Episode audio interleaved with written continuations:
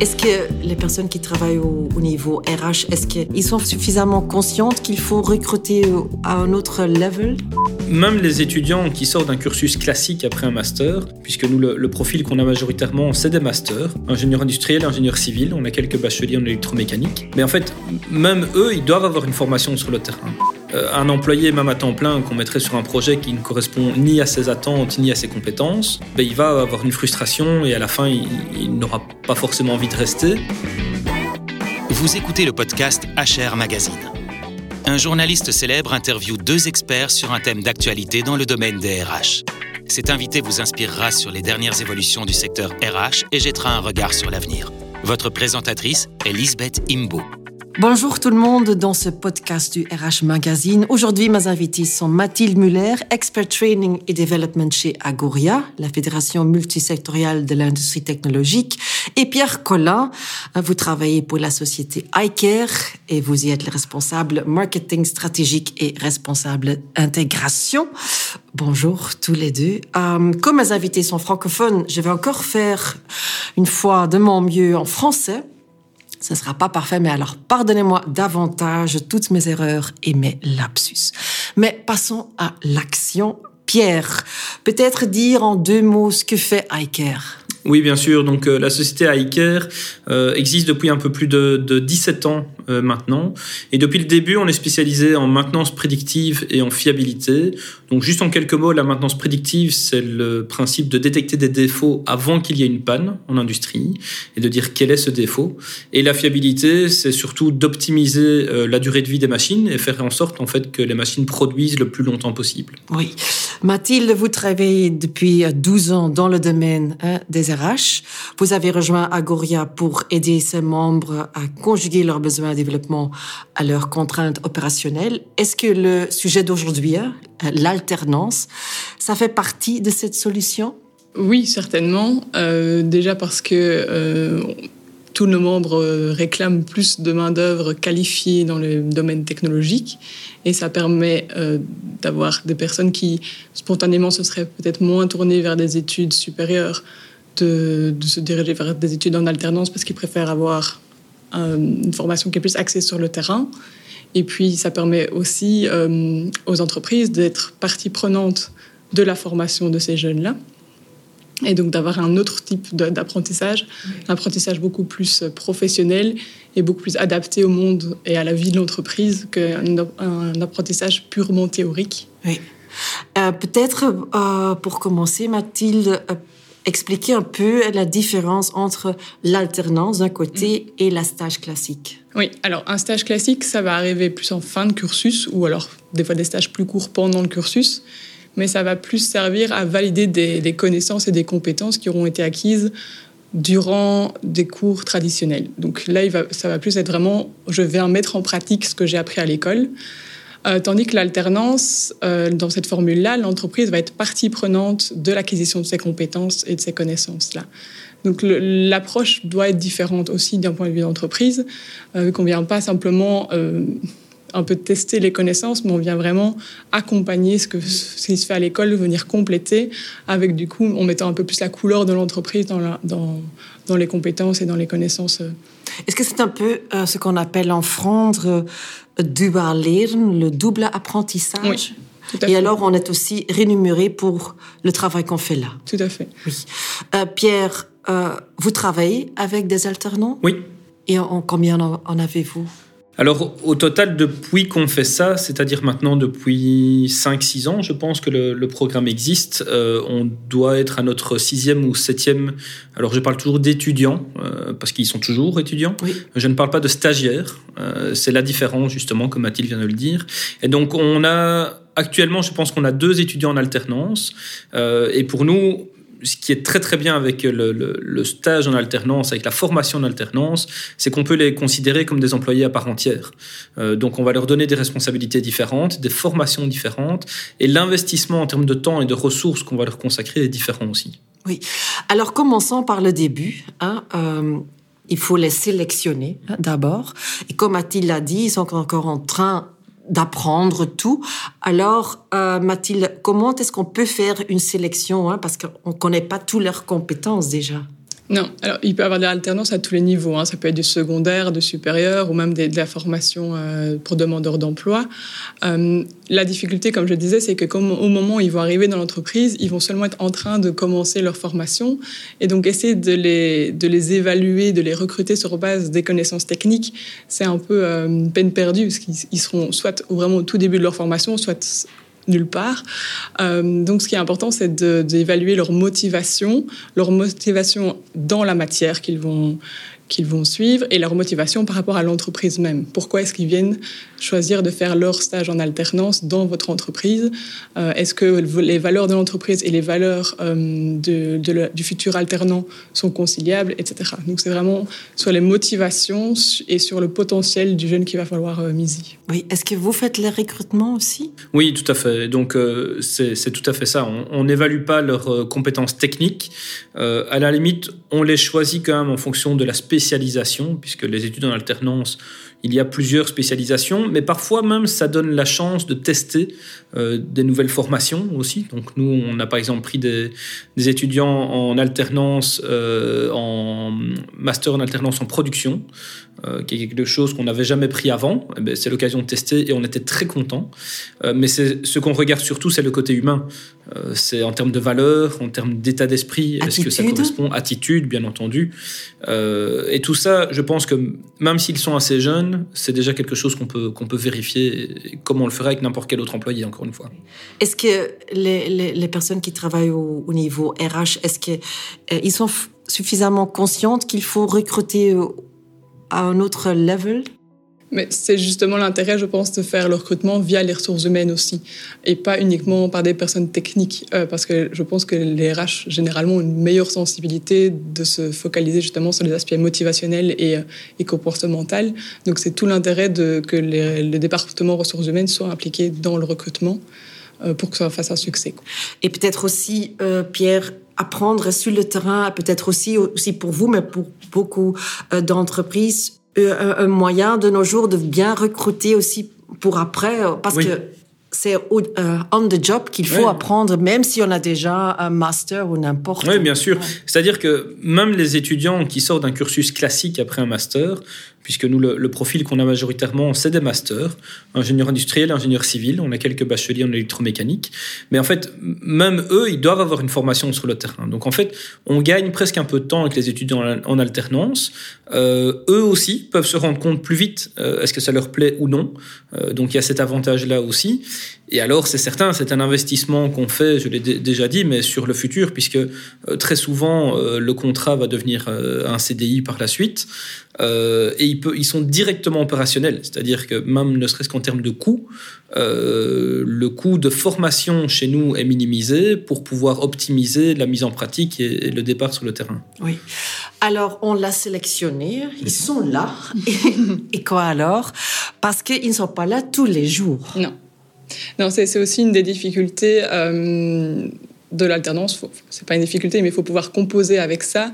Mm. C'est euh, d'une part bien sélectionner le projet, parce que ça va être un projet euh, qui va se faire euh, à temps partiel, vu que dans les formules qui existent, c'est soit une semaine sur deux ou soit des semaines partielles. Donc par exemple deux jours en entreprise, trois jours à l'école.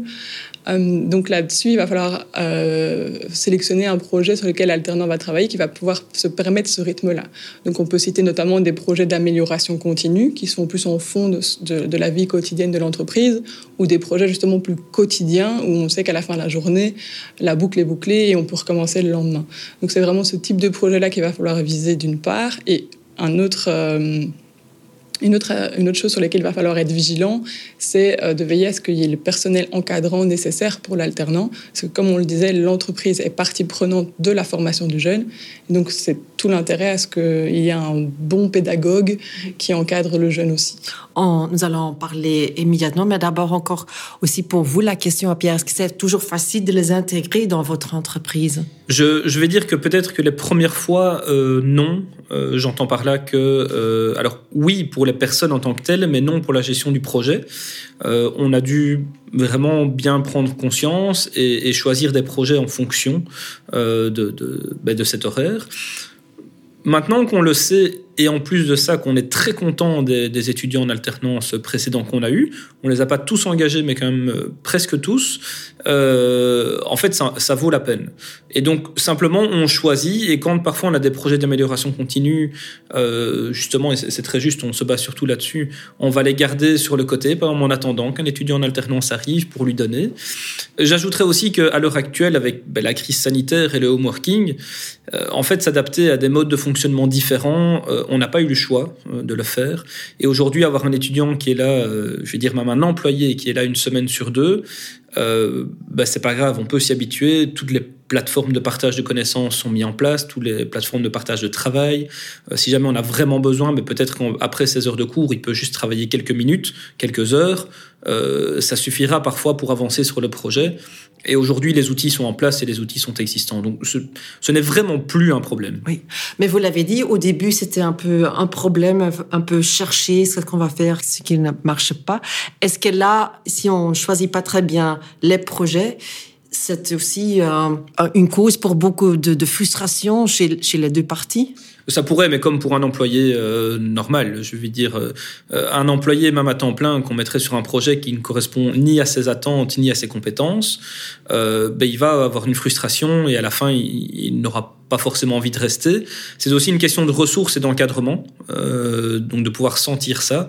Euh, c'est aussi une, plateforme d'échange. Avec un étudiant justement en alternance, c'est beaucoup plus facile euh, et peut-être beaucoup plus opportun même qu'avec un stagiaire. Un stagiaire, ça peut arriver quand on a des stagiaires qui sont là 4 mois, euh, 12 à 16 semaines.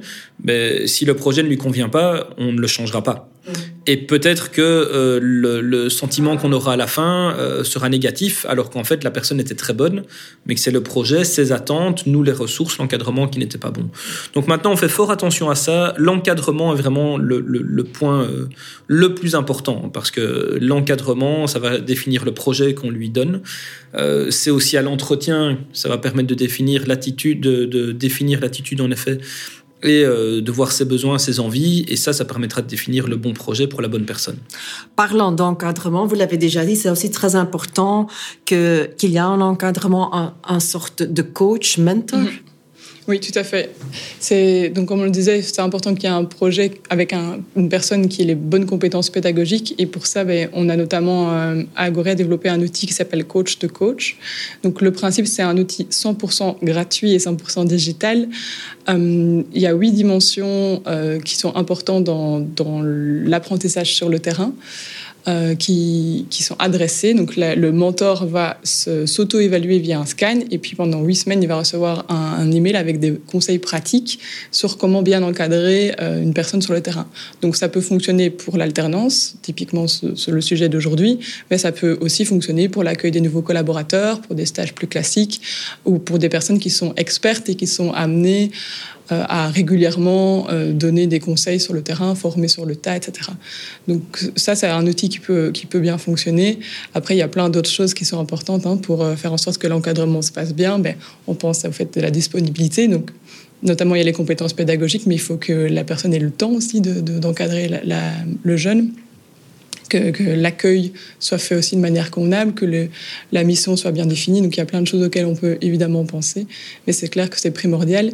Et peut-être aussi un autre aspect sur l'aspect projet qui est important. Donc on a dit bien définir un projet, un projet qui peut, subir le rythme de l'alternance, euh, qui convient au rythme de l'alternance, la, mais aussi un projet peut-être qui soit évolutif en termes de compétences.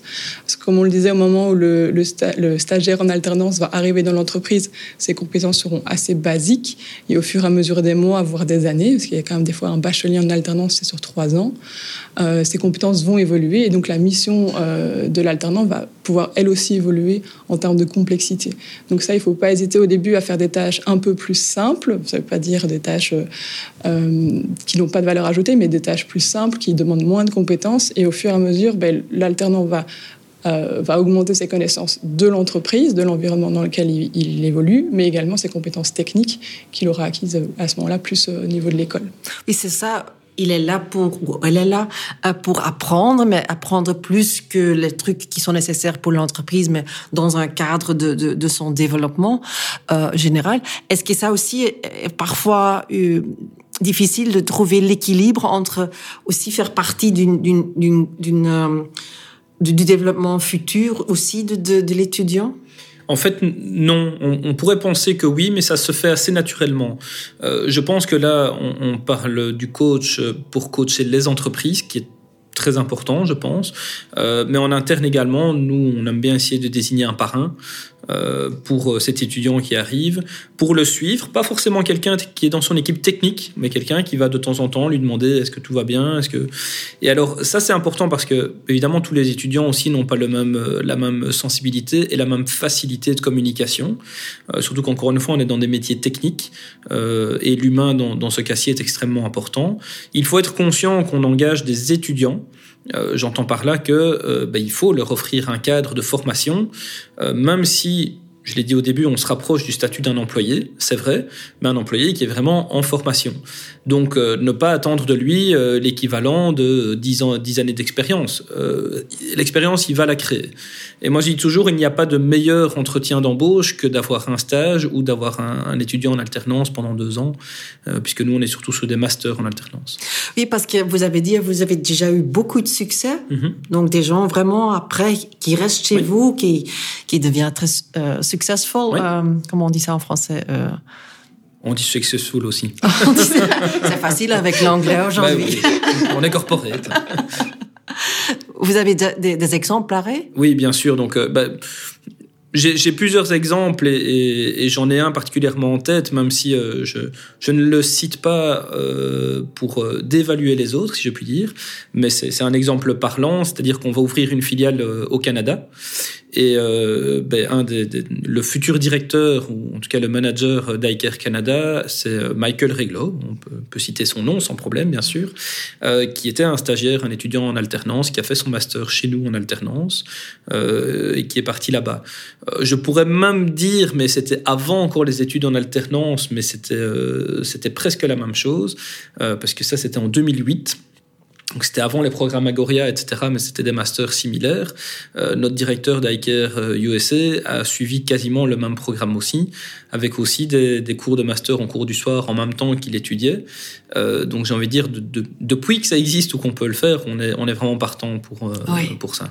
Est-ce qu'alors, Mathilde, euh, les entreprises ont-elles été suffisamment convaincues de ces possibilités? Est-ce qu'il y a assez d'entreprises qui font ce que fait iCare mais il y a des entreprises qui, entre guillemets, n'ont plus besoin d'Agoria que pour être convaincues par l'alternance et qui sont en contact direct avec les écoles et on ne demande pas à être dans la boucle automatiquement. On est très content qu'ils soient tout à fait autonomes par rapport à la démarche. Et puis, on en a encore dès qu'ils nous contactent parce que voilà, j'hésite, je sais pas, est-ce que je me lance, est-ce que je me lance pas, est-ce que c'est vraiment fait pour nous?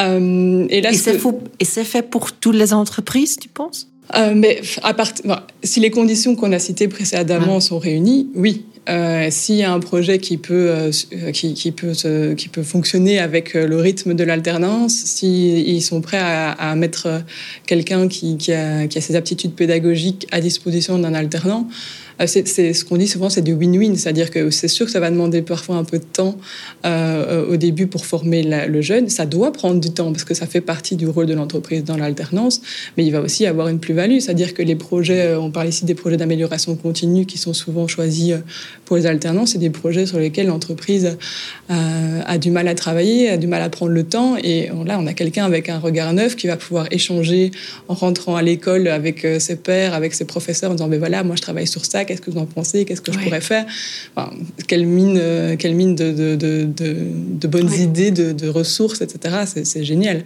Alors ce que je dis souvent, c'est prenez contact avec l'école dans la filière qui vous intéresse, mettez-vous sur la liste des entreprises intéressées et vous allez recevoir des CV. Puis vous allez recevoir des CV, vous allez peut-être avoir un CV que vous dites ah ça pourquoi pas.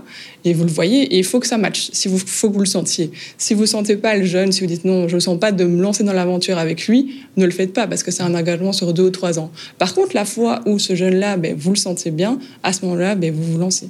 Et de l'autre côté le monde euh, euh, académique euh, les écoles et tout ça est-ce qu'il y en a assez qui donnent l'opportunité aux étudiants de, de faire ça?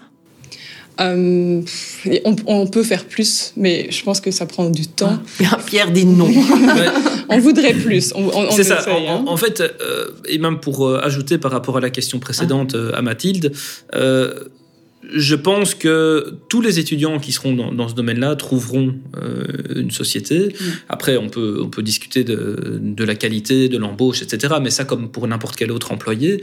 Euh, Aujourd'hui, il y a une telle crise, je vais dire, euh, dans, dans l'embauche, dans les profils techniques, justement, euh, euh, tout ce qui est justement ingénieur, master électronique, euh, master en automatisme, automatisation, etc. euh, ben, on, on pleure après, plus ou moins comme tout le monde.